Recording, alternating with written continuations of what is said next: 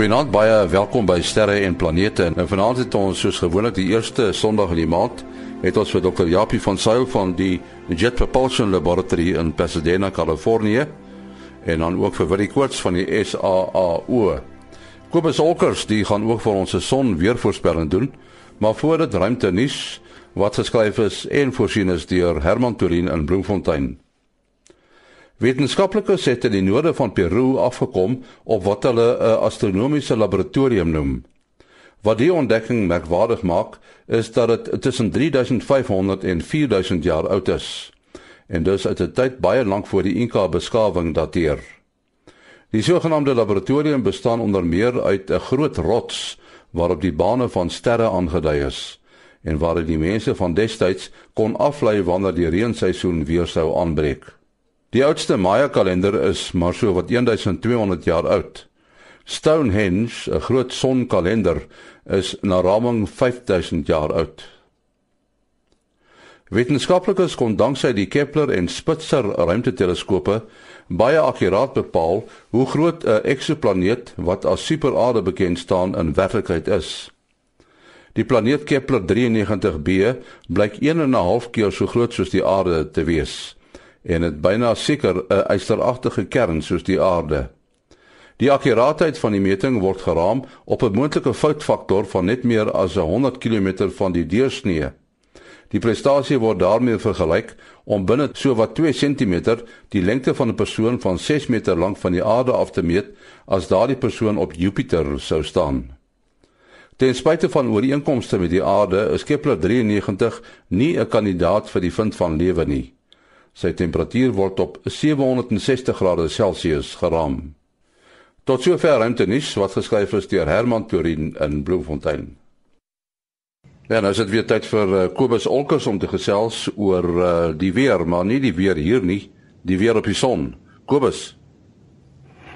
Goeienaand en goeienaand luisteraars. Ja, ehm um, die son is, is nou deur sy sy minim, minimum van 'n uh, ruk gelede en ek sê 'n mini minimum nie 'n lang minimum nie. Uh verlede verlede maand het ons mos hierdie verskriklike lae syfers gehad dat die sonvlek nommer amper na 0 toe gegaan het.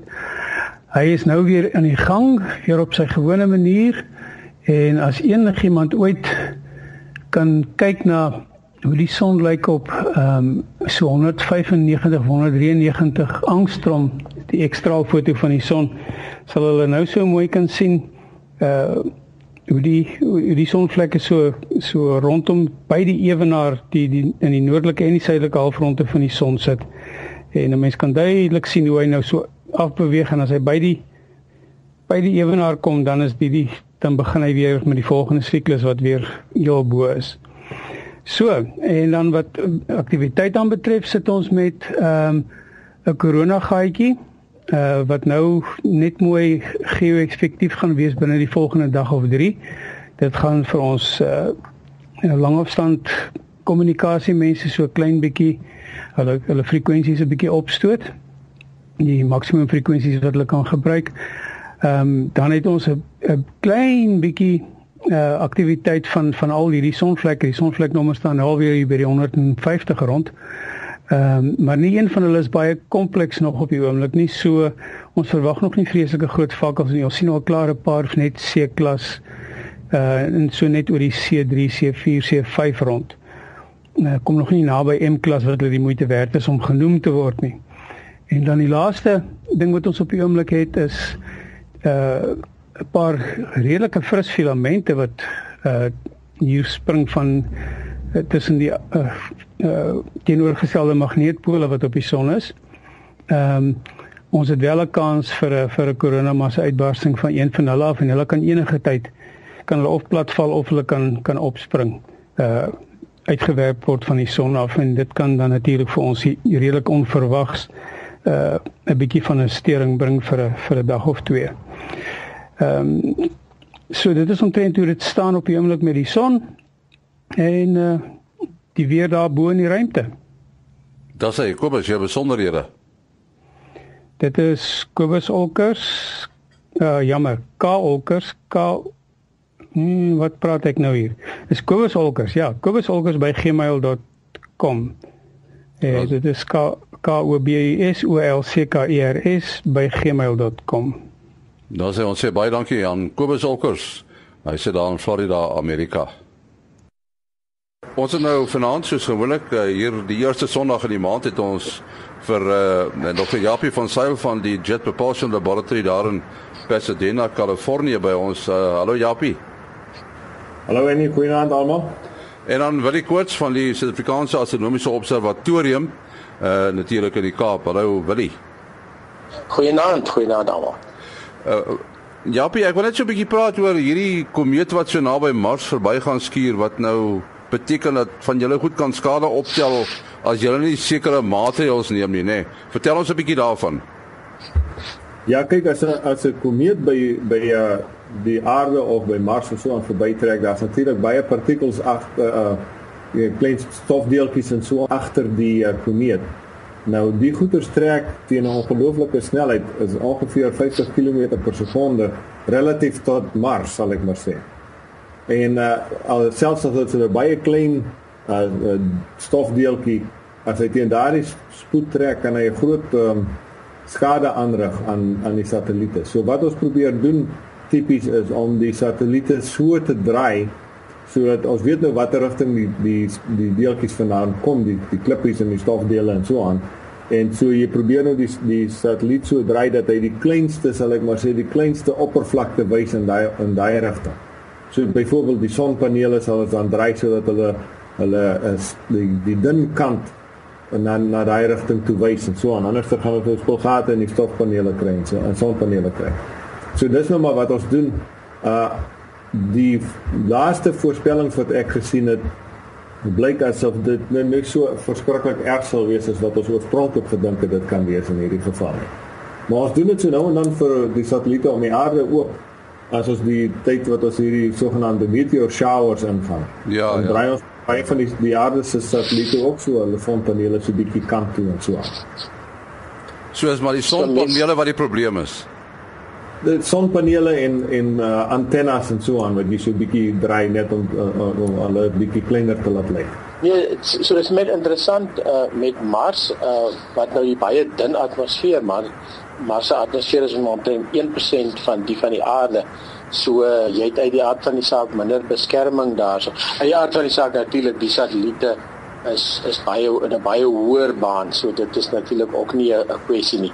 Ehm um, natuurlik dit, dit gaan nou meer vir goed op die oppervlak wees, maar ek neem aan dit gaan nie so laag deurdring die die partikels nie. Ja, dit is dit is so. En dit soos jy sê, ons het nou natuurlik 'n bietjie minder beskerming as wat ons op die aarde sou gehad het. Maar as jy nou uh, redelik aan die bokant van die atmosfeer is in elk geval dan dan help die atmosfeer jou nie so verskriklik baie nie. Maar soos ek sê, uh, nou lyk dit asof dit daarom nie so erg sal wees as wat ons oorspronklik gedink het nie. Maar ons gaan nog steeds maar al die voorsorgmaatreëls tref wat ons andersins sou gedoen het in elk geval. Uh Japie die die Cassini ruimtetuig wat daar by Saturnus rondkuier. Ja, hy is nog aan die gang nê. Nee. Daar's 'n span wat hom onderhou nê. Nee. Ja nee, daar's 'n span wat hom onderhou. Daar was nou jy's 'n interessante uh wat ons noem 'n senior review nie lank terug hierso um, by NASA om te sien of hulle nou nog 'n uh, bietjie meer geld sal gee vir 'n paar volgende jare wat ons aan die ding kan uh, aangaan mee en hulle het dit nou weer goedgekeur. So ons sal nog tot ten minste 2025 2017 uh, sal ons nou nog die Cassini uh, satellietbedryf daar. Ehm um, en dan kom ons uh, sal ons hom in in ehm um, Saturnus vaslig op die ouen om hom te vernietig sodat daar nie kanse is dat 'n dele van hom op die maan Enceladus beland nie want die maan Enceladus ehm um, het baie interessante sulke water uh, spuite wat uit hom uitkom en uh, ons het nou metings daarvan geneem en dit lyk asof dit kan ook 'n oseaan wees wat onder die ys op uh, Enceladus is. So mense wil nou probeer dat jy nou as daar enigstens tekens van lewe daar kan wees dat ons nou nie die dinge die dinge gaan staan en vernietig deur ons ons satelliet daar te beland net in geval daar nog nog sal ek maar sê bakterieë en so aan van die aarde af na al hierdie jare op die satelliet uh, oorleef het. So ons gaan op 'n oomblik maar soos ons met die Galileo spacecraft originally gedoen het met Jupiter ons hom in Jupiter vasgevlieg om hom te vernietig soos wat dit nou met hierdie een in Saturnus vasliep word. Dit lyk my die die daar's maane wat so half dieselfde lyk want Europa en hierdie ene en Celadus uh, hulle het albei eis om met moontlik water onder, is ek reg? Uh dis dis korrek. En dit is waarom ons nou baie geïnteresseerd is in al twee daai plekke want dit is heel waarskynlik dat hulle kan um die soos ek sê daar daar kan dalk lewe bestaan op die plek. Maar gaan julle dieselfde tegniek toepas op Enceladus as wat julle beoog om met Europa te doen. Met ander woorde daardie klein tuig wat jy gaan laat afsmelt onder toe. Uh nee, die plan op die oomblik met uh met Enceladus is om waar te sê ons gaan binnekort so 'n uh, voorstel aan NASA voorlê is om uh met 'n satelliet so toe te gaan en dan deur daai water spuite sal ek maar sê te vlieg en van daai water te vang en terug te bring aarde toe sodat ons dit kan kan analiseer hierso. Want kyk die voor, die water is nou die voordeel, die water spuit in elk geval uit. So ons kan dit vang en kyk waar wat is daar in die water beskikbaar en so aan. Uh ons hoef nie noodwendig onder die ys in te grawe en te gaan kyk hoe lyk die water dan. Ek neem aan dit is moontlik om um om om selfs net met 'n verby uh, vlug uh, ook die water te analiseer maar uh, uh, wat is die, die wat kan jy daar doen in in in 'n in 'n wentelbaan teenoor wat jy op die aarde kan doen uit die aard van die saak op die aarde kan jy nou enigiets doen hè maar ja. um, ek ek neem maar daar sekere beperkings wat jy wat jy uit die uit die ruimte uit kan kan doen sal ek sê met 'n verbyvlug Ja, dit dis dis natuurlik soos ek sê ons het reeds met die Cassini satelliet daar verbygevlieg en die water geanaliseer so ons weet wat die water ehm um, uh hoe die die so, so soort van die die algemene ehm um, karakteristikke van die water en so aan. Maar wat ons nou wil doen, soos ek sê is om van die van die water te vang en dan terug te bring aarde toe. Die rede waarom ons dit wil doen is uh, op 'n op 'n satelliet vir alles jy so ver van die aarde af. Is, is jy baie beperk met die hoeveelheid krag wat jy het uh, en dit uh, vir uh, beïnvloed weer die die sensitiwiteit van die instrumente wat jy kan sit. Van onthou die instrument wat jy daar kan bou moet tipies maar 'n kilogram of 2 weeg uh, terwyl hier op die aarde kan jy natuurlik met die die die water dan in 'n laboratorium invat en met baie sensitiewe instrumente hier op die aarde dit analiseer so dit is maar waarom ons uh, dink daaraan om om die uh, om die water terug te bring Ja, ek sê ding nou daaraan as jy as jy sê die water spuit uit, dit impliseer natuurlik dat daar 'n tipe atmosfeer rondom die maan moet wees want gewoonlik uh, ek onthou die jare met die met die uh uh pendeltuig as hulle die water uitspuit dan kry jy hierdie hierdie baie interessante verskynsels wat ons gesien het. Uh en en wat ek ook toe agtergekom het is dat die water sublimeer onmiddellik uh na vaste stof toe en dan van 'n vaste stof uh onmiddellik na gas toe. Dit gaan nie deur die die, die vloeistofase nie. So dit uh so ek neem aan dit impliseer dan dat die water in in vloeistof 'n vorm is, so dan moet 'n tipe van atmosfeer daar wees en uh gaan julle dit dan terugbring in vloeistofvorm of of op watter vorm sal dit terugkom? Uh ja, ons ons uh, probeer dit natuurlik in die in die sal ek maar sê die natuurlike vorm waar ons dit vang. Uh terug terug te bring aarde toe. So uh, die hele idee is dan om so 'n soort van 'n kapsule te hê waar ons wat ons dit kan vang en dan dan seël jy die kapsule voordat ons natuurlik daar wegtrek en dan uh, dan bring ons dit terug aarde toe en dan maak jy dit eers weer hier oop want die die net soos ek gesê het ons probeer nou nie die maan te besoedel met goed van die aarde af nie wil jy natuurlik die teenoorgestelde ook doen as jy terugkom. Jy wil nie die die die, die uh, sal ek maar sê die monster wat ons daar gevang het besoedel met ons eie goed nie, maar jy wil ook nie hê die monster moet ons aarde besoedel. Net in geval daar natuurlik uh, organismes is wat nou nie goed is vir ons nie. So jy wil dit seël en dan onder 'n onder 'n sal ek maar sê 'n baie ehm um, beskermende uh, uh, omgewing, 'n laboratorium wat afgesluit is van die buitewêreld af wat jy dan oopmaak sou dit impliseer as jy goed uitspuit dat daar 'n redelike druk daaronder is. Dit weet ons natuurlik nou nie. Die die dis daar daar kan twee redes waar wees waaroor dit so uh, uitspuit. Een is natuurlik dat daar groot druk is soos jy sê en dit gebeur soms op uh, op in, in die aarde natuurlik as mense gate boor soos oliegate en so aan en selfs water en weet dat dele in Namibië as jy water gate boor dat die water van self uitkom. Jy hoef nie uit te pomp nie. Nou, dit kan een rede wees. Die ander rede natuurlik is is daar baie lae druk buitekant is. Want uh, dis net maar soos enige ander ding as jy 'n uh, uh, sal ek maar sê 'n houer met vloeistof het wat onder 'n sekere druk is en dan jy geen druk buitekant nie dan sal hy goed uitspuit ook. Uh so dit is nou maar die die um, uh, en ek dink in in hierdie geval is dit heel waarskynlik omdat daar geen of 'n baie baie dun atmosfeer buitekant is. Ja, en dan ehm um, die die rowwe analise wat julle gemaak het van die water toe julle nou die water gevang het. Waarop dui dit? Is dit ook soutwater soos julle vermoed by Europa is? Ja, daar's soutwater en daar is uh, daar is die bou, sal ek maar sê die boustowwe wat jy nodig het vir vir lewe. Uh is is uh, teenwoordig in hierdie water. Uh dit is definitief 'n sout 'n uh, soutwater. Uh en die rede waaroor dit sout is ehm um, die die teorie is dat daar ehm um, 'n oseanus wat 'n uh, 'n rots bodem het. En dit is die minerale wat uit die rotse uit dan in die water in in uh inkom wat die wat die soutigheid gee. Dit is basies dieselfde wat op die aarde gebeur. Ek wil net so 'n bietjie gesels oor uh die ander 4x4 wat jy bedryf op Mars.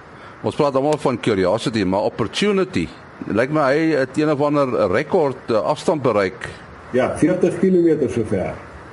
En dit is nou oor hoe lank periode? Ehm uh, dit is uh, sedert 2004. Met ander woorde is 10 jaar, nê? Nee, Robert. Ja. En en sy spoed is ook maar dieselfde as uh, Curiosity of is dit 'n uh, bietjie laer of minder?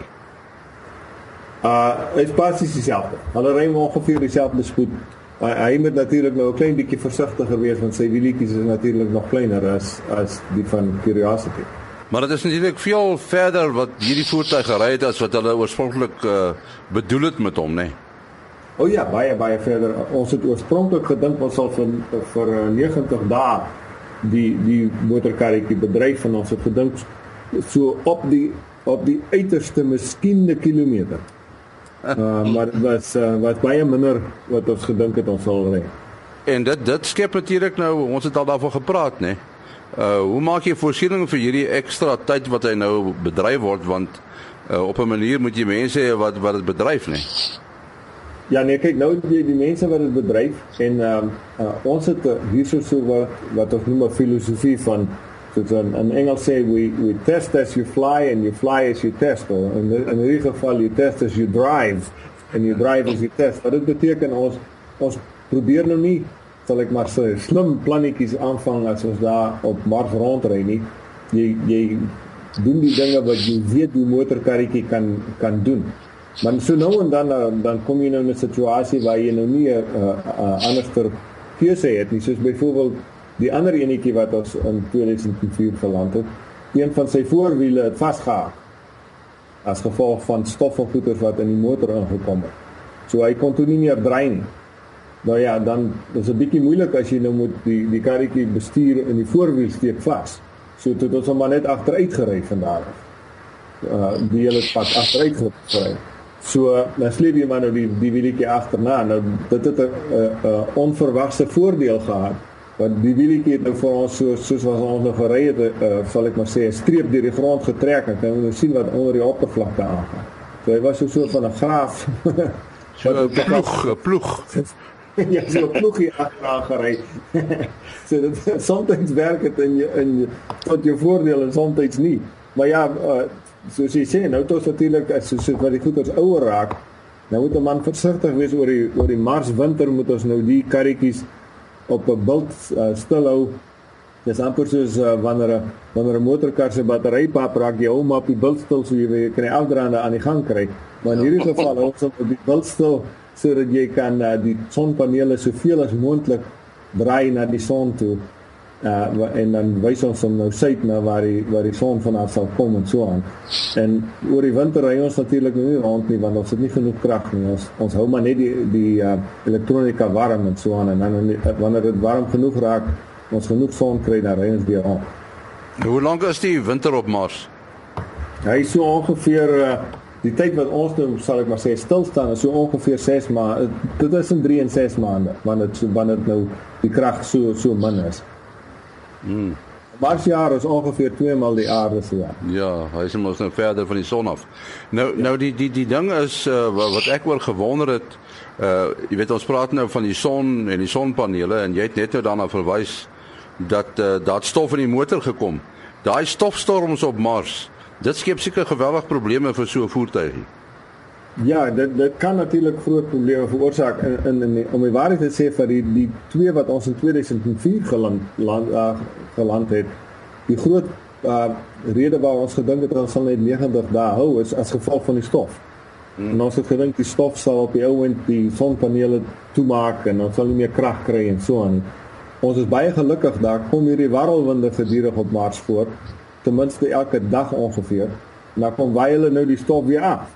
So dan die die die winde help nou vir ons en hulle hulle hinder vir ons so, so nou en dan gelukkig hoe was nou nie te veel te bekommerd te wees om te ry deur die stof nie. Maar uh, soos ek sê, dit baie die stof weer af, maar dan so nou en dan kom daar natuurlik partikels in die uh, in die uh, ratte en en so aan wat wat nou die die wiele aandryf.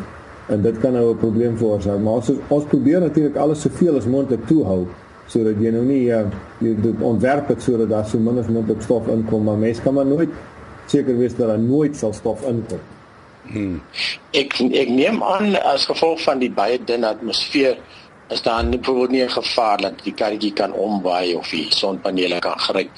Uh, selfs die warrelwindjies nie want jy het natuurlik nou hierdie baie baie dun atmosfeer so dit dit tel dan ook daarom weer gelukkig vir jou neem ek aan. Ja, nee, dit is dis waar. Dit is een van die voordele wat ons natuurlik het. Ehm um, as dit op aarde was, dink ek sou dit 'n baie groot probleem gewees het as as ons so baie stof het.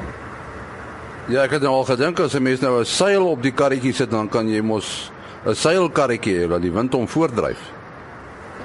Ja, daar's natuurlik allerlei sulke planne om seilkarretjies te hê. Daar's planne om byvoorbeeld groot soos soos hierdie strandballe wat die mense op die strand mee speel om groot strandballe te bou wat dan instrumente aan die binnekant het en die voordeel van so 'n bal natuurlik is 'n mens kan uh, daar's ek weet daar in Suid-Afrika is daar sulke flitsligte wat 'n mens kan skud en ja. of jy kan soms so 'n bietjie um, met jou hand so uh, open toe maak hmm. en dan lei dit weer uh, die so 'n soort van 'n batterytjie in die binnekant. Ja, mens kan daai selfde soort van uh, tegniek toepas met 'n met 'n bal wat rol. Jy kan 'n sulke arms binne in hê wat wat die magnete op en af beweeg en dan kan jy jou e-, eie elektrisiteit ehm um, sal ek maar sê met die wind wat jou rond rol kan jy die elektrisiteit opwek om die om die uh, instrumente te beheer en so aan. So daar's allerlei sulke planne wat ons aan werk hier so uh, ons ons gaan binnekort so 'n bal in die in die ehm um, Noordpool toets wat wat ons maar die net so laat rondwaai en dan neem hulle maar net uh, metings van die van die temperature in die atmosfeer en so aan terwyl dit so rondrol aan die noordpool. Uh in die toekoms nou dat die, dan so spulballe sal ek maar sê op Mars laat ronddraai hardloop.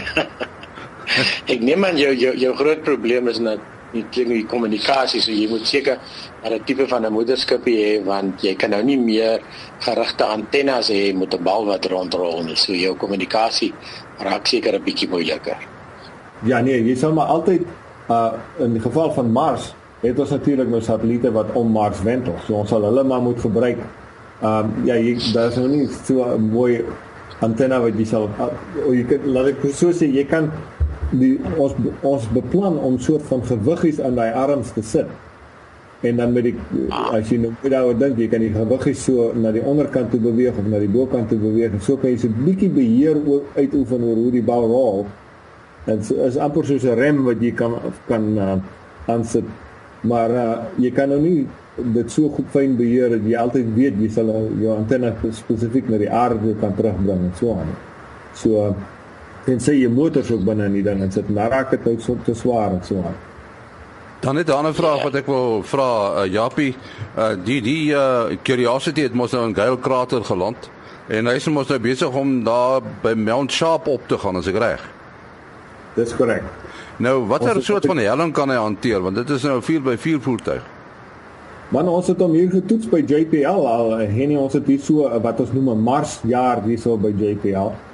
Uh en ek was ek was die groot hero van my studente toe ek hulle eenslag hier na gebring het want ons het toevallig toe die die tweeling van Curiosity wat ons hier by JPL het, is dit toe besig om die buitekant te toets. En hulle het hom daar teen 'n helling van ongeveer 25 grade gehad.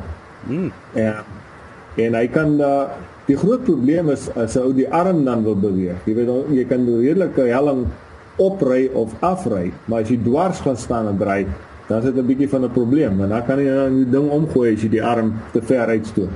Ja, ja. Maar so so sê ons toets maar alles hier op die aarde eers met met die tweeling wat ons hier sou hê voordat ons by enige sulke goed op Mars gaan staan aanvang.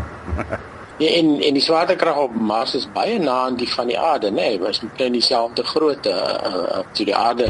Mars is ook maar half die tweeling van die aarde nie waar? Nee, hy is mos halfte die grootte, is dit nie? Hy is ongeveer die helfte die grootte die die aarde.